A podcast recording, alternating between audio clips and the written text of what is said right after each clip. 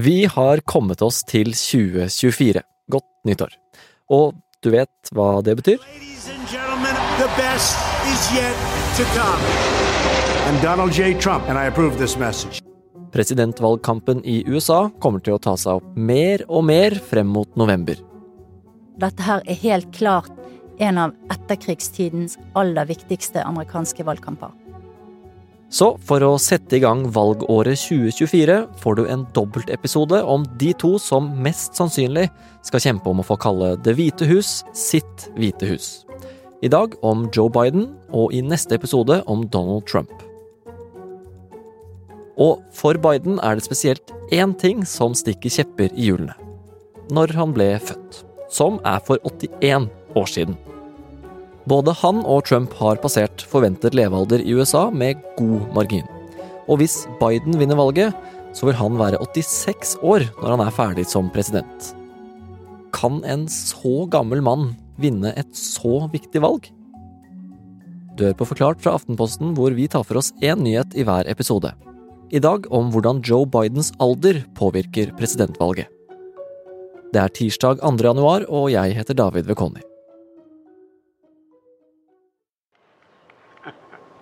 Now, just to get here, Liberty and Bell had to beat some tough odds and competition.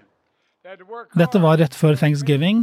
Joe Biden han eh, skulle benåde noen kalkuner. Det er en sånn litt tøysete tradisjon de har startet med. Og så gikk det helt i surr for ham. Kjetil Hansen er Aftenpostens USA-korrespondent og er én del av podkasten Aftenpodden USA. Biden han skulle da tydeligvis bare være litt eh, lett og ledig og litt ungdommelig, kanskje, å, å nevne da popikonet Taylor Swift og hennes Eras Tour. Men eh, det gikk ikke helt eh, som han hadde tenkt seg. You could say even this harder than getting a, a ticket to the Renaissance tour or or or Britney's tour. She's down in it's kind of warm in Brazil right now.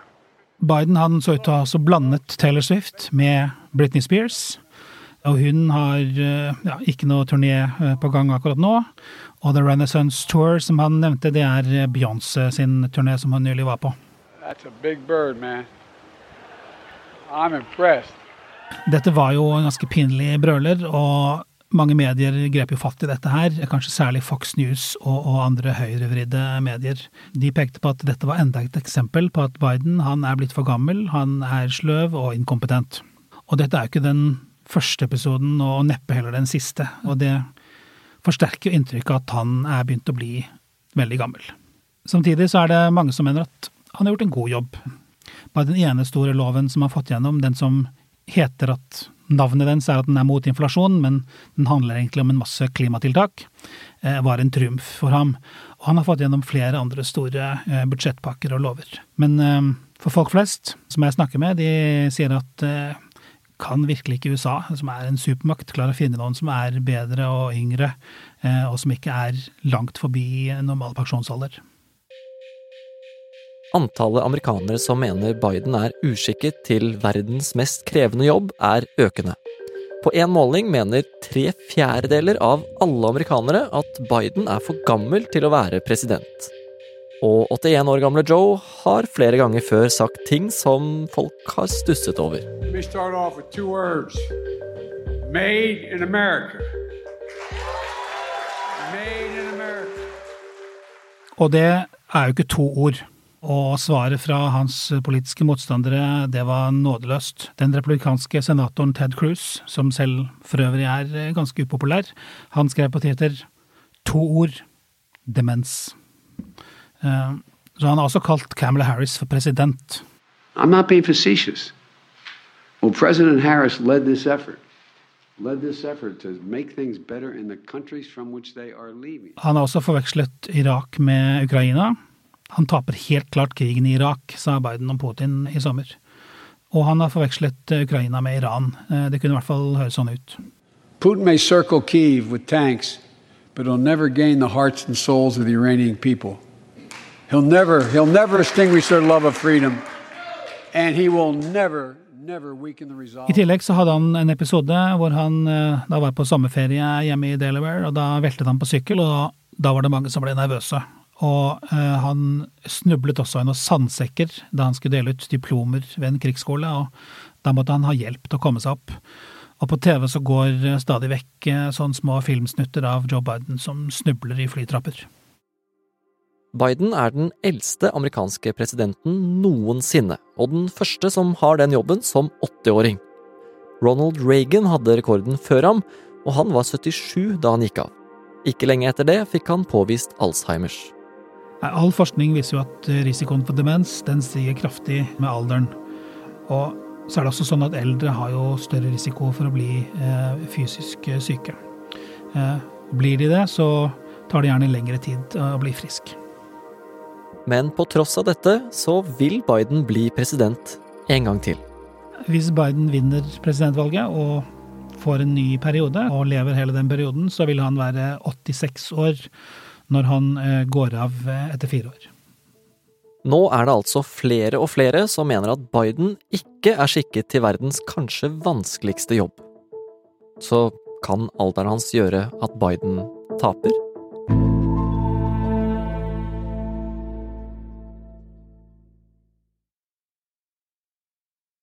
Kjetil, en del er jo skeptiske til om Biden er skikket til å gjøre jobben som president i fire år til.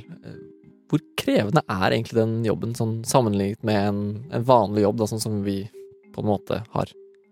Dette er knallhardt. Dette er ikke noen 9-4-jobb. Du eh, skal være sharp eh, gjennom hvert minutt eh, hele dagen. Det er selvfølgelig en konstant strøm av henvendelser. Det er taler som skal holdes, eh, det skal sies noen ord her og der. Er folk som skal møtes, det er folk fra etterretningen, folk fra USAs forsvar eh, og sikkerhetsapparat. Og du skal ha kontroll på alt dette, i tillegg til at det plutselig kan skje ting. Det er naturkatastrofer, eh, det er masseskytinger. Da forventes presidenten å ringe rundt til guvernører og tilby hjelp fra den føderale staten.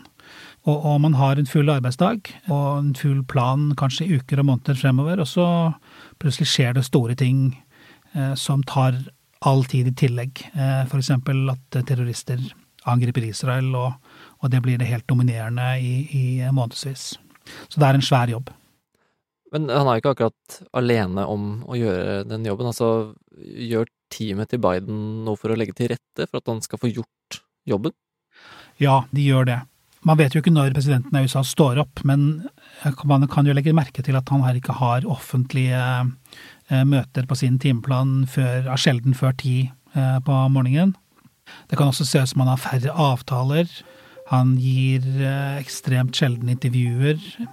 Andre tar mer ansvar. De sendes ut av såkalte surrogater, f.eks. folk som uttaler seg om sikkerhetspolitikk i stedet for, for presidenten. Han har også ofte lange helger. Han er mye hjemme i Delaware, eller på feriestedet sitt, som også er i Delaware. Og kommer tilbake kanskje ut på mandagen og til og med noen ganger på tirsdagen. Eh, så det virker som de legger til rette for at eh, han skal takle dette her. Likevel skjer det altså stadig vekk ting som får folk til å tvile på Biden. Bird, Dette er i aller høyeste grad noe som bekymrer demokratene. Og hvis det er noe som vil holde de våken om natten i det kommende året, så tror jeg det er dette. Kristina Pletten, en annen del av Aftenpodden USA, er også kommentator her i Aftenposten og har tidligere vært USA-korrespondent. Og med nesten ett år igjen av presidentvalgkampen kan alderen til Biden ikke bare få ham til å snuble i flytrapper, men også på målingene. Jeg tror det kan påvirke sjansene i veldig stor grad, faktisk. Det er jo hans svakeste punkt, og det viser også meningsmålingene. Og så er det jo sånn at dette handler også om visepresident Camilla Harris, fordi Biden er så gammel som han er. Eh, ved sist valg så var det sånn at Joe Biden han var det trygge valget. Han var et kjent navn, og folk visste hva de fikk når de stemte på han. Eh, nå er dette aspektet delvis borte, fordi at det er så stor usikkerhet knyttet til om han kan klare å sitte hele perioden ut, altså i fire år til. Hva er strategien til demokratene da, inn, inn, mot valget for å takle nettopp den utfordringen? Altså, det har vel knapt vært noe strategi. De har forsøkt å ignorere det og undertrykke det så godt de kunne. Og så har de forsøkt å fokusere på hva Biden har fått til, og få ut budskapet om at dette er en president som har vært handlekraftig, som har vært sterk og vist styrke, og alt det er jo riktig. Eh, de kan peke på Ukraina, de kan peke på støtten til Israel, de kan peke på alt han har fått til hjemme i USA, som infrastruktur, eh, et, et tak på medisinpriser, store klimapakker og mange andre ting. Og så har de jo prøvd å hele tiden spille opp Biden som en litt sånn kul gamlis som man ser med solbriller og is og eh, en sånn folkets mann, da. Og det appellerer til en god del velgere, eh, også til en del Trump-velgere. Og det er jo sånn at Biden er ikke så upopulær blant Trump-velgere som for eksempel Hillary Clinton var, som de rett og slett ikke kunne fordra. Så der har Biden hatt en styrke, men alt dette blir jo litt nullet ut nå av eh, alderen hans og den fremtoningen som en veldig skrøpelig og surrete gammel mann. Jackie, are you here? Where's Jackie? I didn't think she was, she was going to be here to help make this a reality. Hva syns du de burde gjort, da?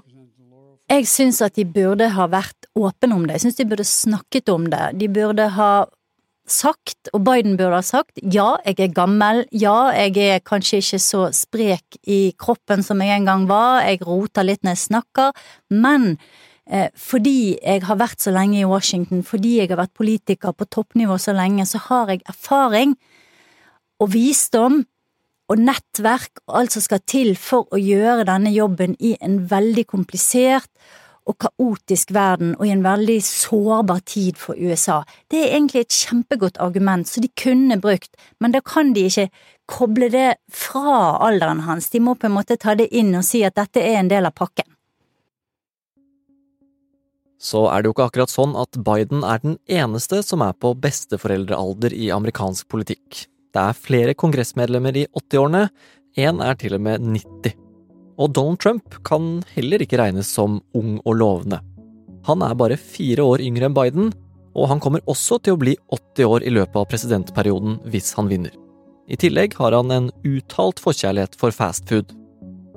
Er den totalpakka så mye bedre enn Biden for velgerne?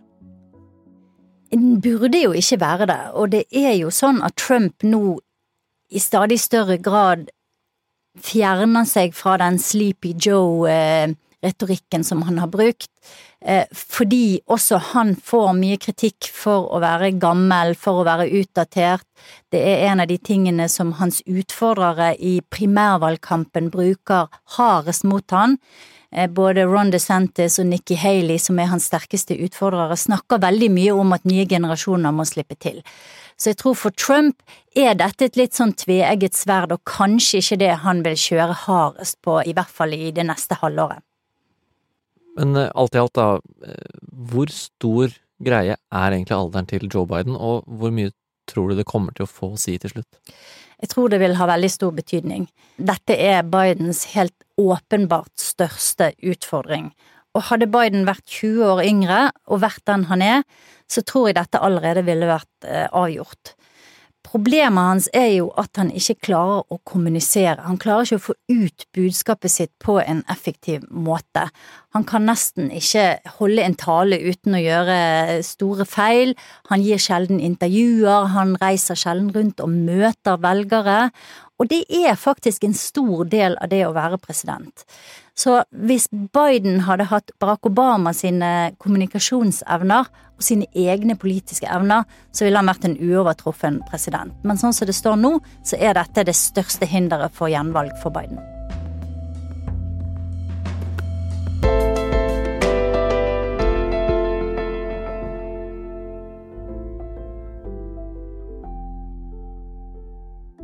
Du har hørt en podkast fra Aftenposten.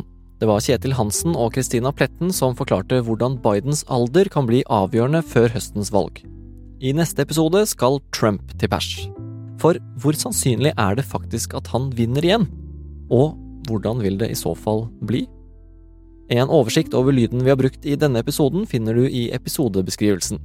Forklart består av Olav Eggesvik, Synne Søhol, Jenny Førland, Fride Næss Nonstad, Anders Weberg og meg, David Vekoni.